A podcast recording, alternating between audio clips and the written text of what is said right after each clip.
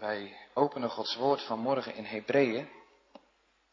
Wij lezen Hebreeën 7 en we lezen vanaf vers 20 tot en met vers 28.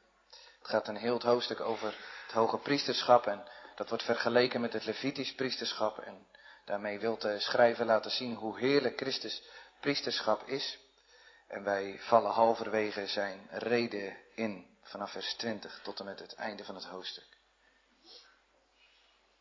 En voor zoveel hij niet zonder eedswering is geschied, want geen zijn wel onder eedswering priester geworden, maar deze met eedswering doordien, die het hem gezegd heeft, de Heer heeft gezworen, en het zal hem niet berouwen. Gij zijt priesters in het eeuwigheid, naar de ordening van Melchizedek. Van een zoveel beter verbond is Jezus borg geworden, en genen zijn vele priesters geworden, opdat zij door een dood verhinderd werden altijd te blijven. Maar deze, opdat hij in der eeuwigheid blijft, heeft een onvergankelijk priesterschap, waarom hij ook volkomen, volkomenlijk kan zalig maken, degenen die door hem tot God gaan, alzo hij altijd leeft om voor hen te bidden. Want zodanig een hoge priesters betaamt, ons heilig, onozel, onbesmet, afgescheiden van de zondaren en hoger dan de hemelen geworden, die het niet al een dag nodig was, gelijk de hoge priesters, eerst voor zijn eigen zonde slachtoffers te offeren en daarna voor de zonde des volks, want dat heeft hij eenmaal gedaan als hij zichzelf geofferd heeft. Want de wet stelt tot hoge priesters mensen die zwakheid hebben, maar het woord der eedswering, die na de wet is gevolgd, stelt een zoon die der eeuwigheid geheiligd is. Gemeente, ik denk dat we het eh, elkaar wel eens vragen, tenminste dat hoop ik. Die hele belangrijke vraag, wie is de Heer Jezus voor jou of voor u? Zeker als we gered zijn, we hebben de Heer Jezus leren kennen, dan zijn er toch wel vragen die wij stellen aan onze omgeving. Hè? Wie is de Heer Jezus voor jou of voor u persoonlijk? Gemeente, wat schiet er u als eerste te binnen als ik deze vraag aan u stel vanmorgen?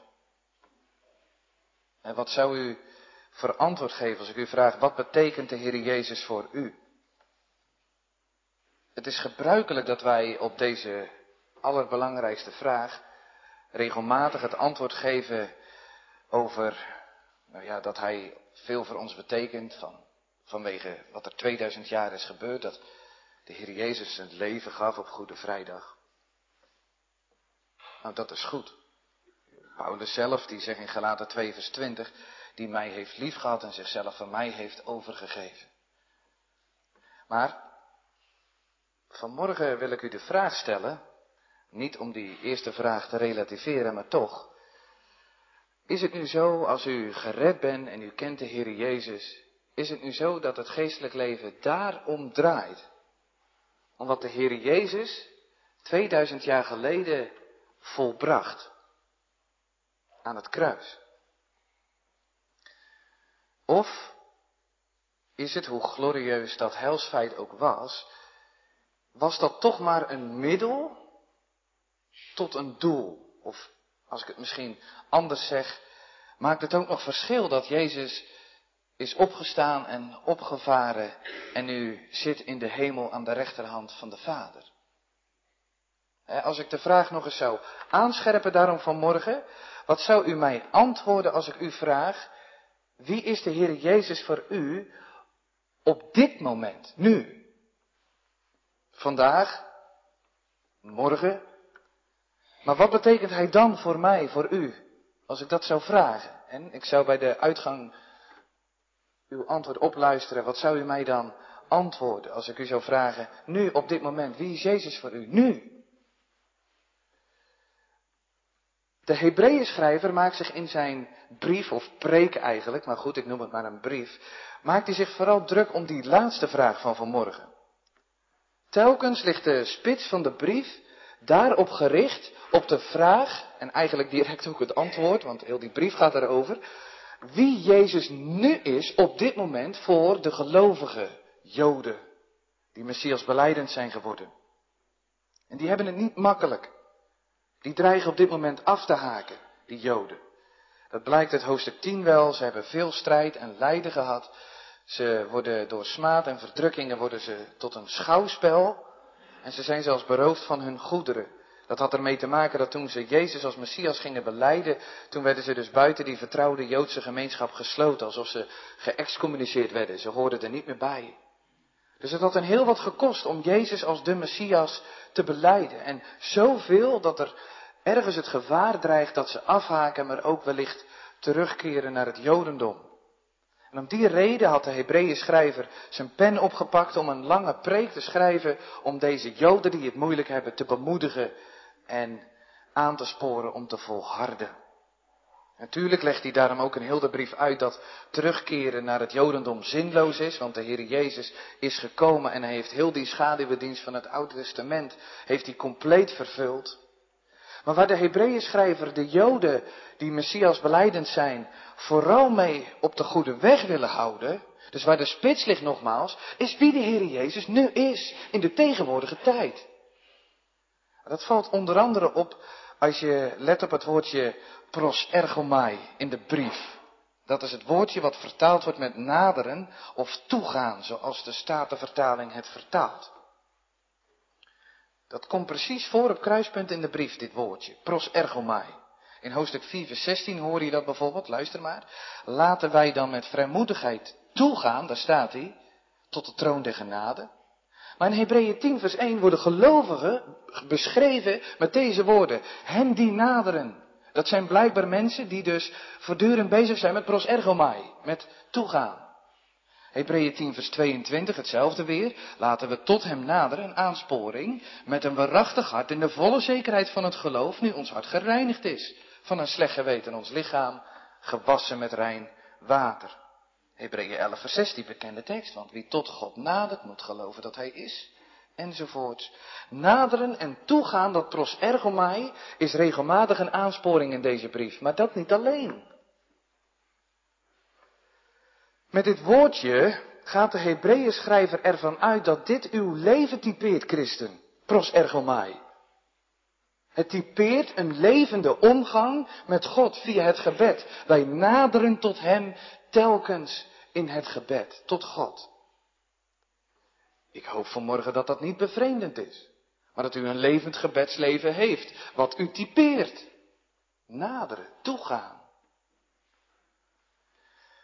Maar dan nu de vraag, wat is er fundamenteel in dat omgaan met God de Vader door middel van het gebed? Wat is daarin de sleutel? En dan is het antwoord wie Jezus nu, nu voor de gelovige is. Dus als u zegt, Jezus betekent veel voor mij toen daar, en u vergeet wat Hebreeën 7 vers 25 de tekstwoorden uitlegt, dan leef je nog niet bij het evangelie. Daar gaan we vanmorgen naar luisteren, het evangelie van Hebreeën 7 vers 25, de tekstwoorden voor de verkondiging, waar dat woordje prosergomai ook staat, naderen. Luister maar, ik herlees hem u. Waarom hij, de Heer Jezus, ook volkomen kan zalig maken degene die door hem tot God gaan. Het woordje gaan is hier dat naderen, dat toegaan, de prosergomai. Alzo hij altijd leeft om voor hen te bidden. De tekstwoorden voor vanmorgen twee aandachtspunten. Heel voorspelbaar. We kijken eens naar de tweede helft, vers 25b. Jezus leeft altijd om te pleiten. Zo hoop ik dat woordje bidden te hertalen. En als tweede, Jezus maakt volkomen zalig. Vers 25a. Dus Jezus leeft altijd om te pleiten. En Jezus maakt volkomen zalig. Dat is toch wat kind van God als je, als je dat leest. Dat Jezus leeft, nu. En dan leeft hij altijd, nu. En niet zomaar, en leeft niet een beetje voor zichzelf. Maar als u vanmorgen gered bent in de weg van geloof in de Heer Jezus en bekering, dan leeft de Heer Jezus nu voor u. Dan mag u nu hier in deze tekstwoorden uw naam invullen. De Heere Jezus leeft altijd voor Sjoukje om voor haar te pleiten. Als de engelen rondom de troon van de verheerlijkte Christus in de hemel aan hem zouden vragen, Hoge Majesteit, waar leeft u nu voor? Dan zou Jezus uw naam noemen. En dan zou hij zeggen, ik leef altijd om voor die en die daar in Driesem, voor mijn volk waar ik mijn leven voor gaf, daar leef ik nu voor. Het is toch onbevattelijk als je daarover nadenkt. Dat onze zaligmaker in de hemelse heerlijkheid bij de Vader met al die engelen en heiligen om hem heen een doel heeft, een levensdoel. En daar maakt u onderdeel van uit, als u christen bent. Dan ben u voortdurend het doel waarvoor Jezus wil leven. Waarvoor Hij bestaat in de hemelse heerlijkheid, in de onsterfelijke glorie aan de rechterhand van de Vader. Dan is het doel om voor u te bidden. Hij leeft voor u, Hij is er voor u en daar, daar, daar is Hij met heel zijn hart mee bezig. Zo'n glorieuze gedachte. Wie is Jezus voor mij nu? Oh, Hij leeft voor mij, altijd. Nu. Deze glorieuze gedachte zou iedere christen moeten verlossen van een negatief zelfbeeld. Als de allerheerlijkste majesteit, Jezus Christus, de Zoon van God, voor mij leeft, voor mij. Die, die, die pieterpeuterige zondaar op planeet aarde in die triljarden sterren. Maar waarom is Jezus eigenlijk aan het bidden voor al zijn heiligen? Ja, de eerste reactie is misschien dat u zegt het is nodig. Nou prima, dat gaan we zo zien. Maar waarom de Heer Jezus vooral bidt voor al de zijnen, is omdat er iets leeft in zijn hart. Dat wil dat woordje altijd zeggen. Er leeft altijd iets in Christus hart richting al de zijnen voor wie hij zijn leven heeft gegeven. En dat wat er leeft in zijn hart beweegt hem voortdurend om voor hen te pleiten bij de Vader. Weet u wat, christen? Weet u wat? Weet u wat? Als je dat niet weet, dan leef je geen optimaal geloofsleven. Absoluut niet. Ondermaats. Moeten we weten.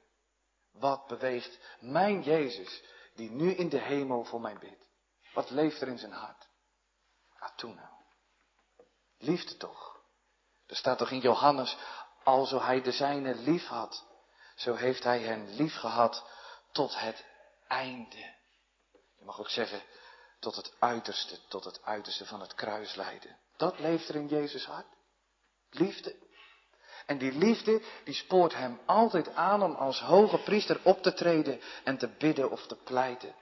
De Hebreeën schrijver zal het zeggen straks aan het eind van zijn brief dat Jezus Christus gisteren, dan bedoelt hij zijn leven op aarde, heden zijn leven nu in de hemel als hoge priester en tot in de eeuwigheid dezelfde is en blijft.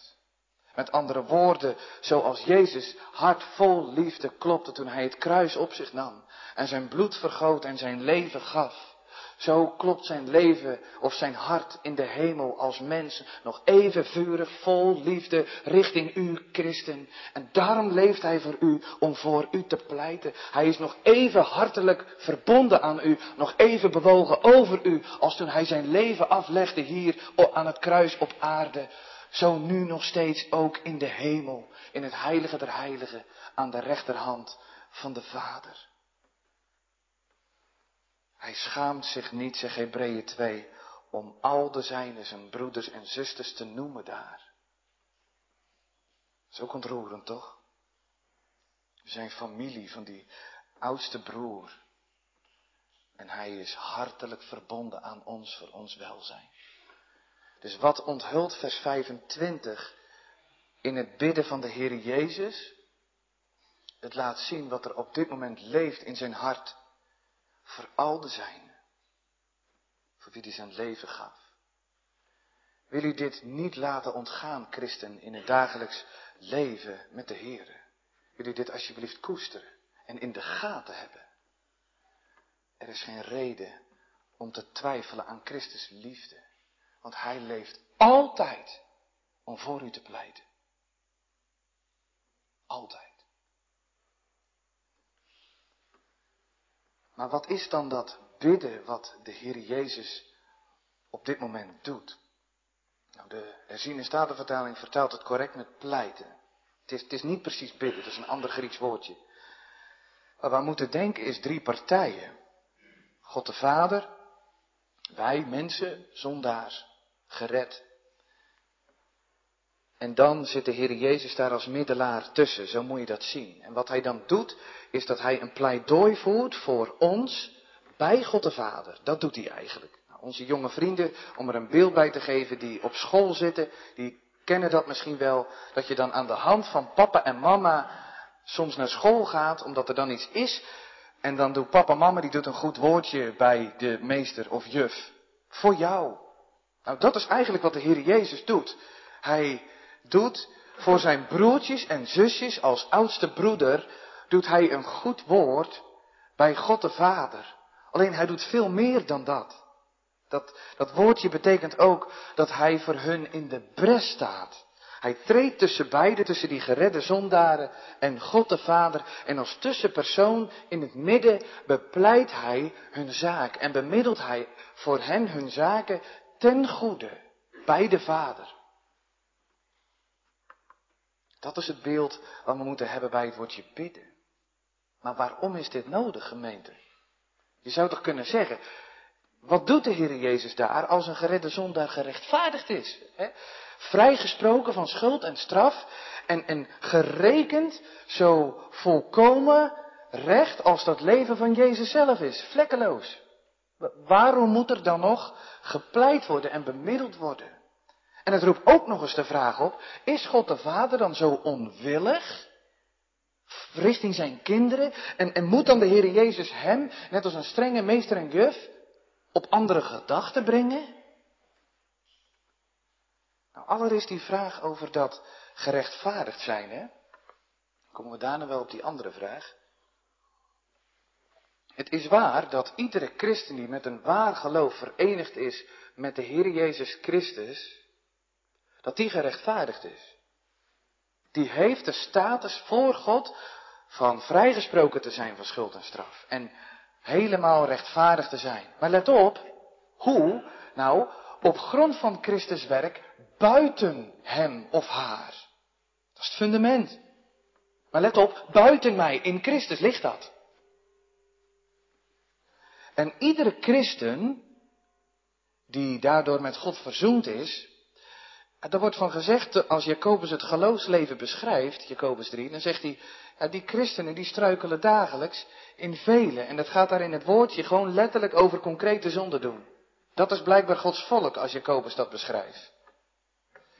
En dat roept natuurlijk de ingewikkelde vraag op, hoe het dan mogelijk is dat God die terrein is om de zonde, om het kwade aan te zien, Habakkuk 1, hoe die God met zijn kinderen om kan gaan in het leven van de heiliging als ze dagelijks zondigen. Hoe kan iemand een relatie met God onderhouden via het gebed en gemeenschap met Hem hebben als Hij heilig is en als zonde niet te verenigen zijn met Hem? Dus prima die status om wat buiten me ligt, maar nu in de dagelijkse omgang met elkaar. Dat is onmogelijk dat iemand die dagelijks struikelt in vele toegang zou krijgen bij God. Behalve om hier, vers 25, behalve om wat de Heer Jezus nu doet, om wie Hij nu is voor de gelovigen. In de hemel laat Hij zijn volbrachte werk zien en past Hij dat toe. Als ik het iets technischer zeg en ik probeer het even te volgen, dan rijg ik het aan elkaar met de heilsfeiten. Het offer wat de Heer Jezus volbracht op Goede Vrijdag, dat God de Vader op de paasmorgen toen hij zijn zoon opwekte, helemaal goedkeurde dat offer. Dat nam de Heer Jezus op hemelvaartsdag mee in het hemelse heilige der heiligen, dat offer. En net als die hoge priester op de grote verzoendag die schaal met dat bloed meenam achter het voorhangsel naar het heilige der heiligen om daar op het verzoendeksel te springen. Nou, dat is precies het beeld wat de Heer Jezus, of wat de Hebreeën schrijver um, tekent rondom het werk van de Heer Jezus. Met hemelvaart ging Jezus het heilige der heiligen in met zijn offer, net als die hoge priester achter dat voorhang ging. En nu in de hemel is het tot de wederkomst de grote verzoendag. Mocht u daar meer over willen lezen, kan u onder andere terecht in Hebreeën 9 het slot. Maar tot de wederkomst is op dit moment voortdurend de Heer Jezus als hoge priester, net als op de grote verzoendag, achter dat gordijn. Met zijn volbrachte werk. En daar pleit hij en bidt hij voor u.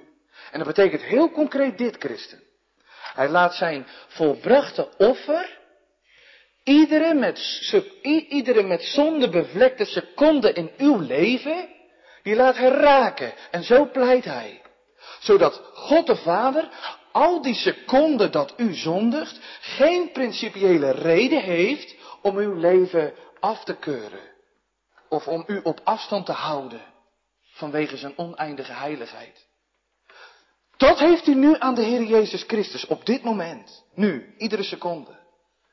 Dus waar morgen zonden mij aankleven, die de omgang met God de Vader beschadigen en scheiding maken, daar komt de Heer Jezus direct in actie. Pleit Hij en alles wat afstand maakt, dat ruimt Hij op. Alles wat omgang verindert, dat ruimt Hij aan de kant met zijn verzoenend offer. Heel concreet.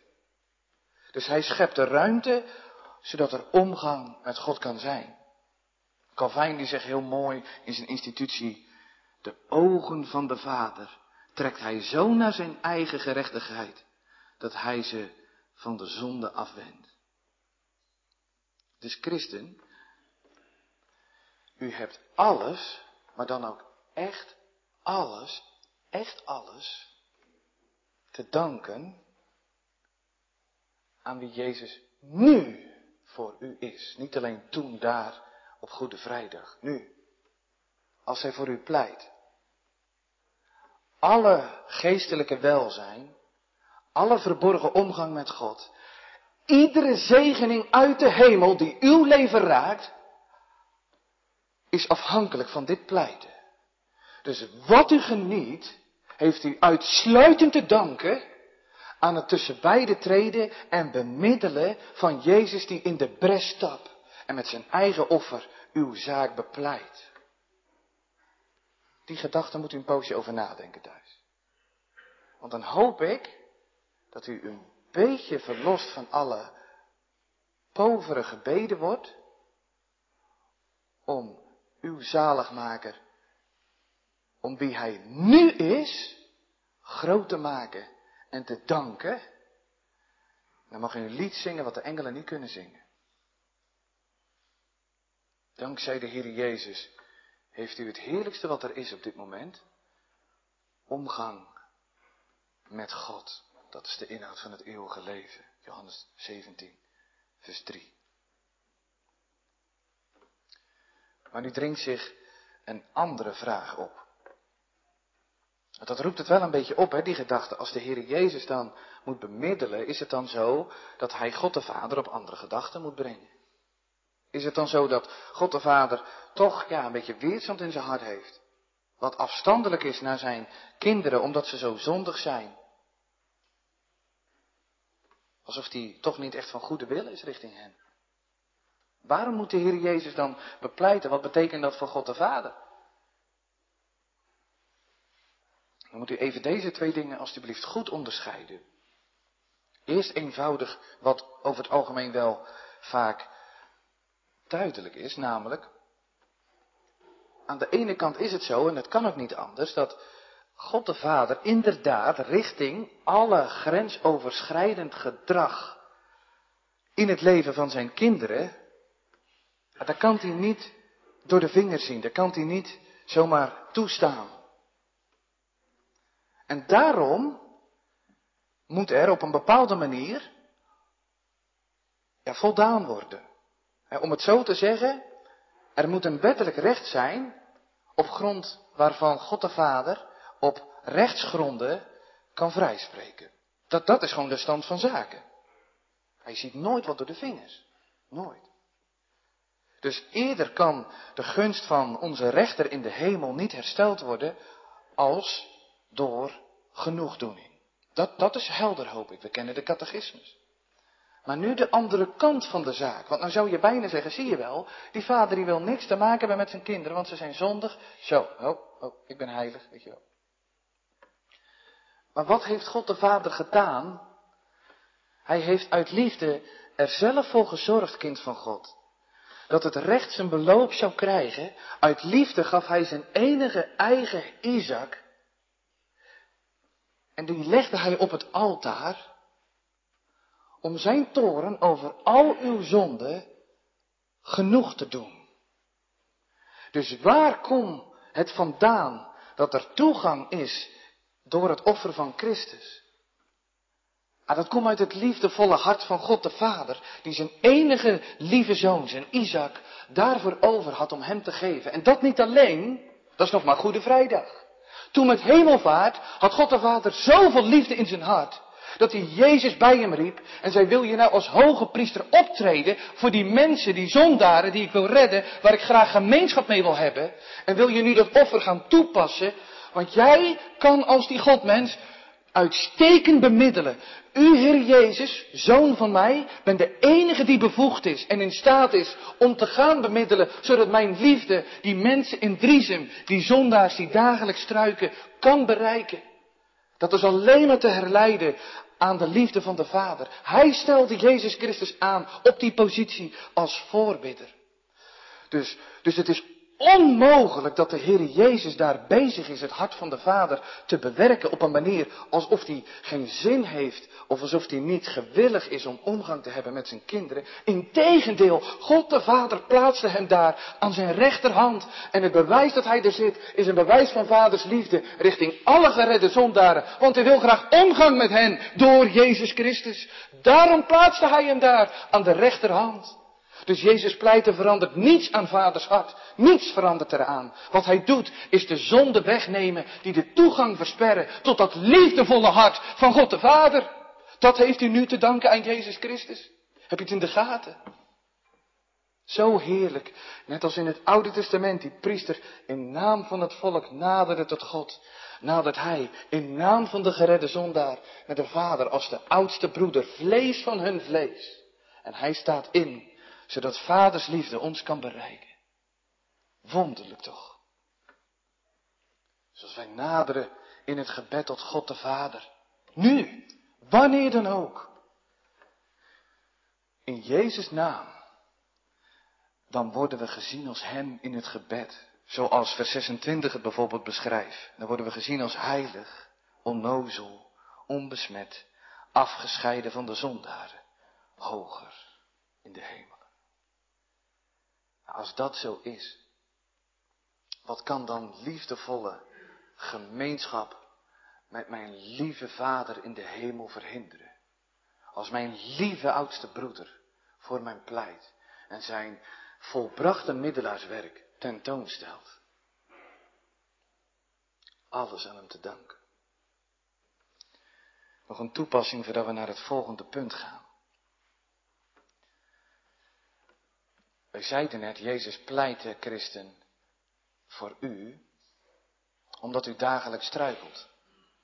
Dat is de bittere werkelijkheid. Weet u wat dit betekent?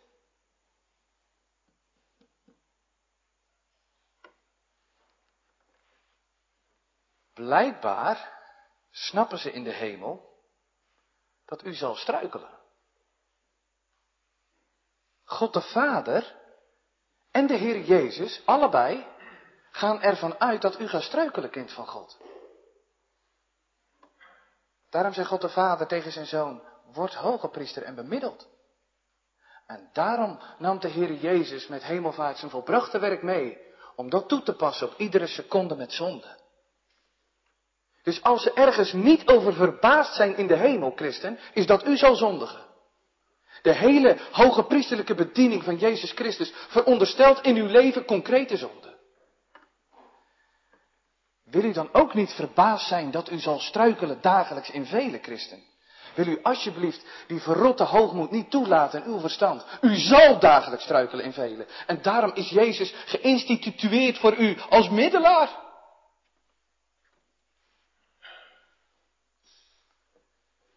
In de hemel gaat men ervan uit dat u vroeger of later tekort zal schieten in het doen wat God u voorschrijft. Zelfs de engelen in de hemel, die weten het al lang, christen, dat u een zondaar bent en blijft, Als ze kijken naar de Heer Jezus, dan snappen ze waar Hij mee bezig is. Met dat waar u, u in tekort schiet. Zij snappen het zelfs. Maar snappen u het ook? In het hemelse heilige der heiligen snappen ze dat Gods kinderen zondigen, dagelijks. Daarom zit Jezus daar. Het veronderstelt dit. Dat u vleeselijk bent, verkocht onder de zonde. Wee degene die daar bovenuit groeit, dit besef. En wee degene die daardoor Jezus voorbeden gering acht. Wee degene die er een hekel aan heeft dat een dominee veel over zonde heeft. Jezus' hoge priesterlijke bediening veronderstelt concrete zonde in uw leven, dagelijks. En mag u dat niet begrijpen, kijk dan eens goed in de spiegel van Gods heilige wet. In de hemel ben u bekend als zondaar, niet als heilige. Dat leert de duivel ons. En dan nog iets wat ik graag wil onderstrepen bij deze voorbeden. Wil u christen alsjeblieft onthouden dat de Heer Jezus dezelfde blijft? En dan bedoel ik dit. De Heer Jezus pleit niet in de hemel omdat u zo braaf voor Hem leeft, christen. Hij pleit voor u in de hemel, juist voor al datgene wat niet zo braaf is. Dus al het verkeerde en verdrietige, juist dat beweegt Jezus om voor u in de bres te gaan staan. Ik zeg het nog een keer. Niet het goede wat u doet motiveert Jezus om voor u te leven en liefdevol voor u te bidden, maar het slechte wat u doet motiveert hem en beweegt hem om voor u te bidden en te pleiten. Ik snap dat niet. Want zonde is verkeerd, zonde is slecht, zonde is verfoeilijk, zonde is ranzig, zonde is lelijk, maar het beweegt Jezus om voor mij te pleiten. Dus niet als ik goed bezig ben, pleit hij voor mij en zegt hij, nou die mensen in Driesem die zijn serieus, daar wil ik wel voor bidden. Maar als u er slecht aan toe bent, dan is hij zo vol ontferming bewogen, dat hij direct tussen beiden treedt en zijn werk toepast over al dat schandalige wat slecht is. Zijn hart wordt dus niet toegesloten als u zondigt. Jezus hart gaat veel verder open als u zondigt, omdat u er slecht aan toe bent. Met ontferming bewogen treedt hij tussen beiden en dan zegt hij, vader, u straft toch maar één keer.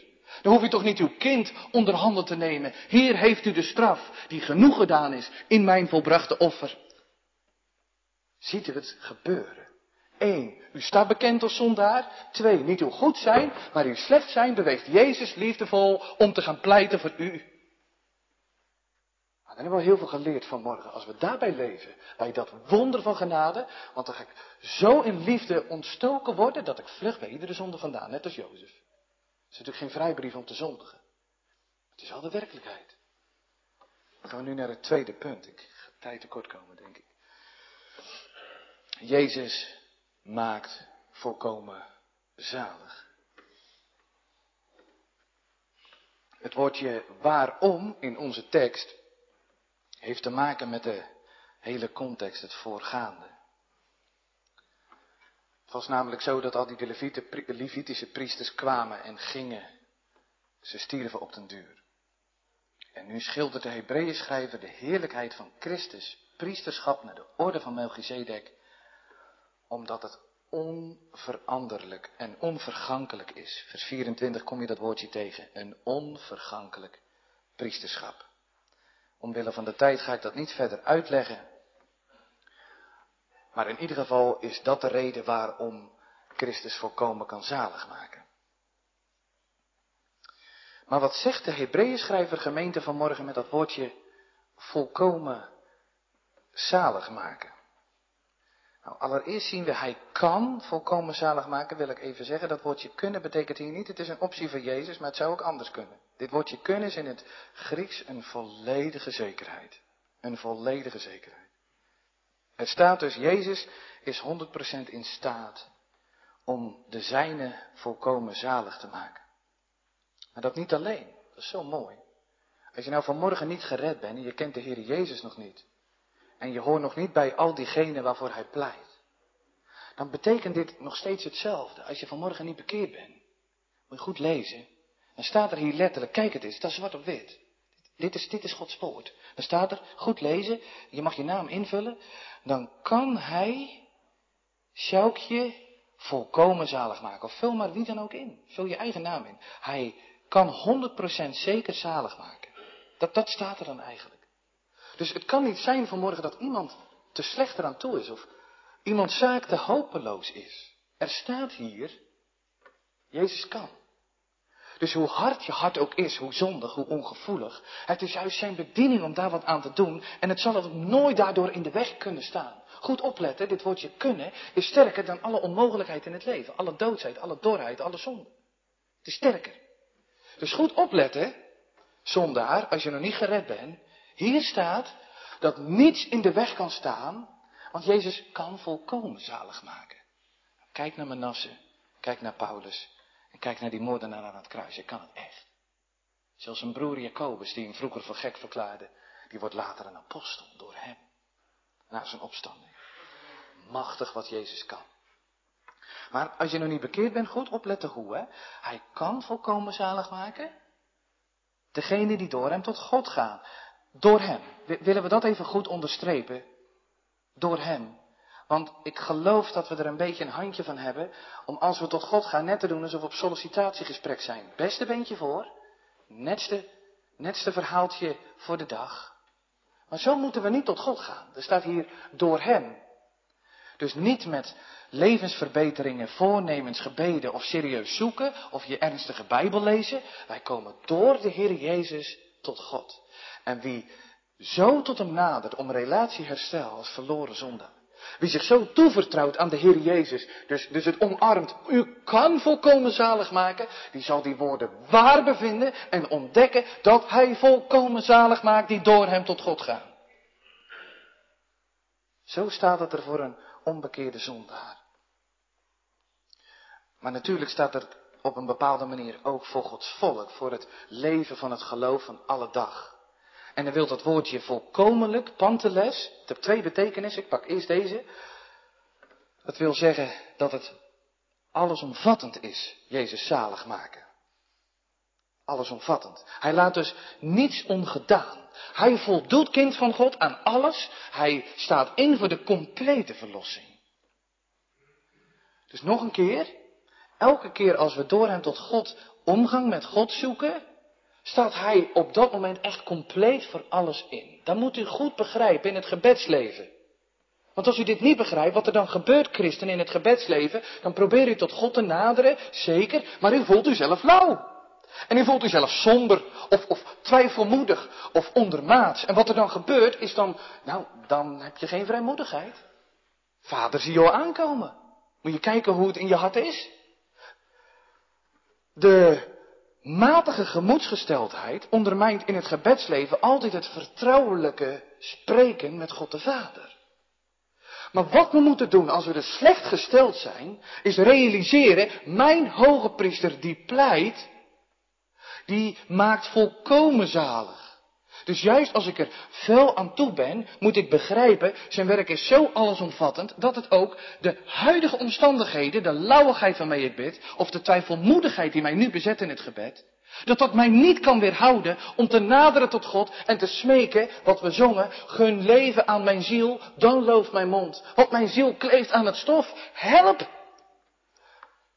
Dat is de bedoeling van het begrijpen wat het woordje volkomen zalig maken betekent. Dat u vrijmoedig nadert in het gebed, ongeacht of u er goed of slecht aan toe bent, of u wel of niet gesteld bent.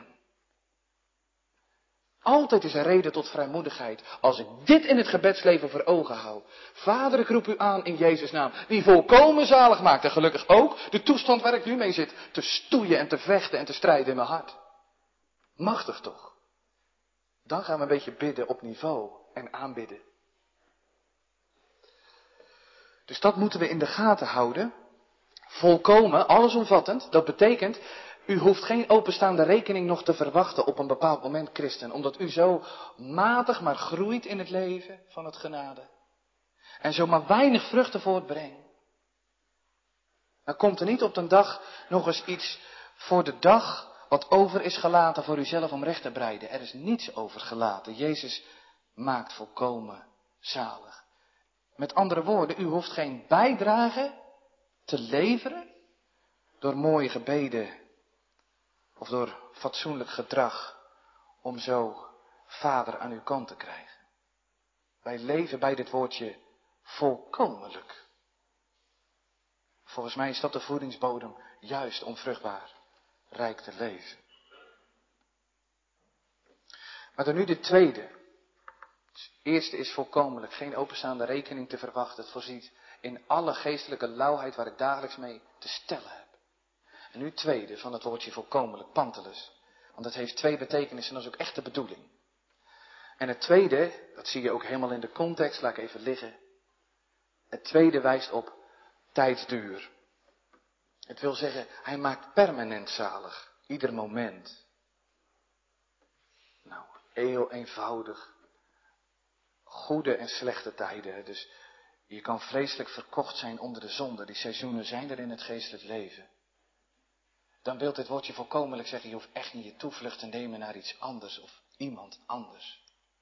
In vruchtbare of onvruchtbare tijden wil het woordje pantelen zeggen, altijd welkom bij mijn hoge priester. Nooit reden tot slaafse vrees, tot kruiperigheid. Altijd reden tot kinderlijk vertrouwen en vrijmoedigheid. Altijd, want hij staat altijd voor me klaar, altijd. Op de meest ongelegen momenten is hij nog bereid volkomen zalig te maken. Maar nu staat het er met nog een reden. Probeer ik ook kort even aan te stippen.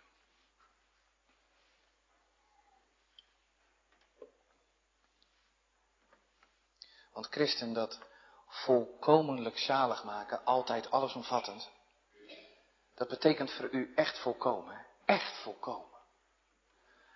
En dat omvat dus ook die dingen in uw leven, ja, waarvan je hoopt dat niemand dat ooit te weten komt.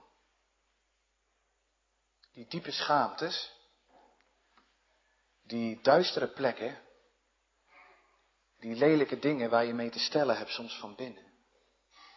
Die dingen die je juist op een bepaalde manier eerder in een isolement drijven. En die je juist bij de Heer Jezus vandaan houdt en in op zijn minst in ieder geval de vrijmoedigheid tot de Vader in het gebed verhindert. Die dingen, die wil Jezus ook volkomen zalig maken. Wat hier staat is dat u met al die angsten, die zwaktes, die boezemzonden, dat waar je je voor schaamt, waar je alleen maar het liefst voor jezelf houdt en wegmoffel, met dat moet u naar de Heer Jezus gaan, christen. Want volkomen betekent dat Hij de diepste, duisterste uithoeken van uw vleeselijke, verdorven hart wil zaligen. En dat is nodig ook. Dat kan niet zo blijven. Wil u ermee voor de dag komen? En wil u bij hem brengen, bij hem, die niet verwijt, maar die met vol ontferming en liefdevol daar wacht als hoge priester, als u door hem tot God nadert, om u volkomen te zaligen, echt volkomen. Kom met alles, kom met alles. Ook het schaamtevolle. En dan zie ik dat de tijd dringt. Nou, vooruit, nog, nog één praktische toepassing. Nog één praktische, misschien kunnen we die nog meekrijgen.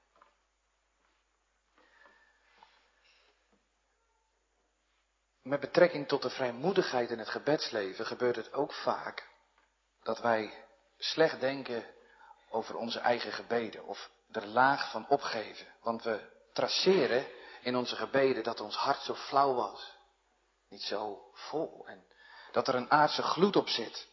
Of dat we toch maar weer in herhaling vielen of een povere woordkeuze hadden.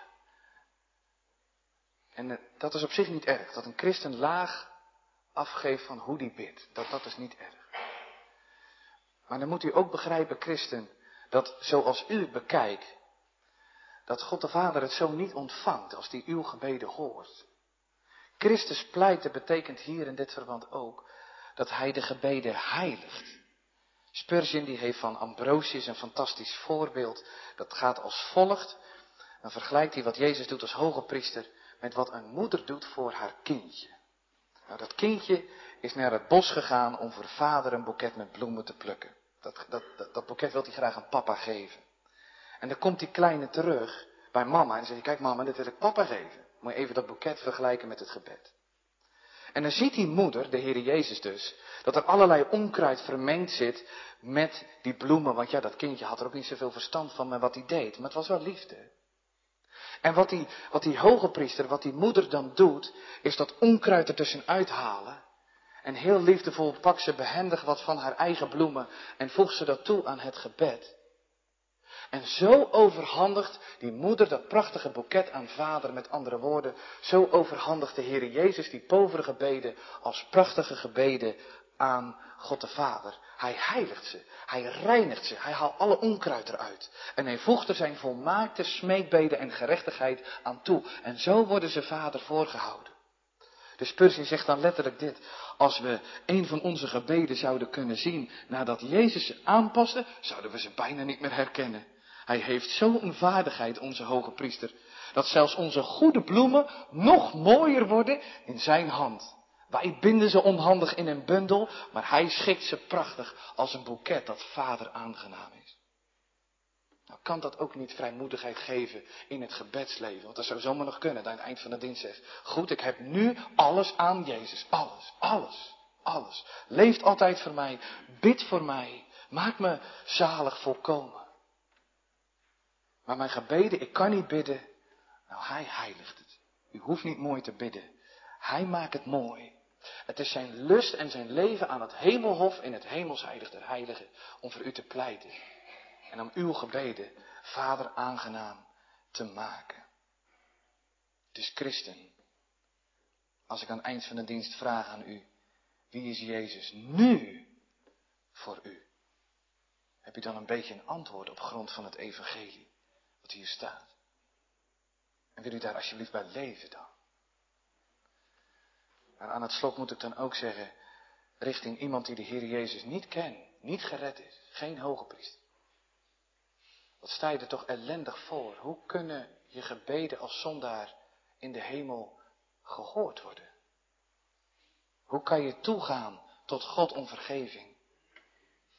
Hoe kan je, hoe kan je voor God bestaan zonder deze pleitende hoge priester. Dan moet je één ding meenemen. Als het er zo voor staat, want het is diep ellendig als het er zo voor staat. Die hoge priester was aangesteld voor het hele volk toch? Voor het hele volk. Niet alleen voor Gods volk. In de zin van geredde zondaren.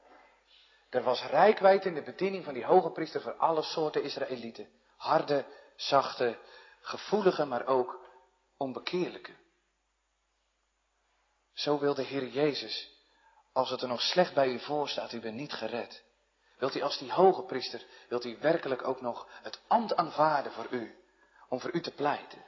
Dan wenkt hij vanmorgen u met zijn hand naar zich toe. En dan roept hij, kom toch naar mij, want ik ben de weg, de waarheid en het leven. En wie door mij tot de Vader gaat, zal ik zaligen. En wie tot mij komt, die zal ik niet uitwerpen. Dus wat moet u dan doen vanmorgen als je niet gered bent? En wat moet je trouwens doen als je wel gered bent? Want het is precies hetzelfde. Stap 1 is ga naar Jezus. En stap 2 is zie stap 1. Dat zijn de twee stappen waardoor je zalig wordt. Voor het eerst en opnieuw. Stap 1 ga naar Jezus. Stap 2, ja zie stap 1. Amen.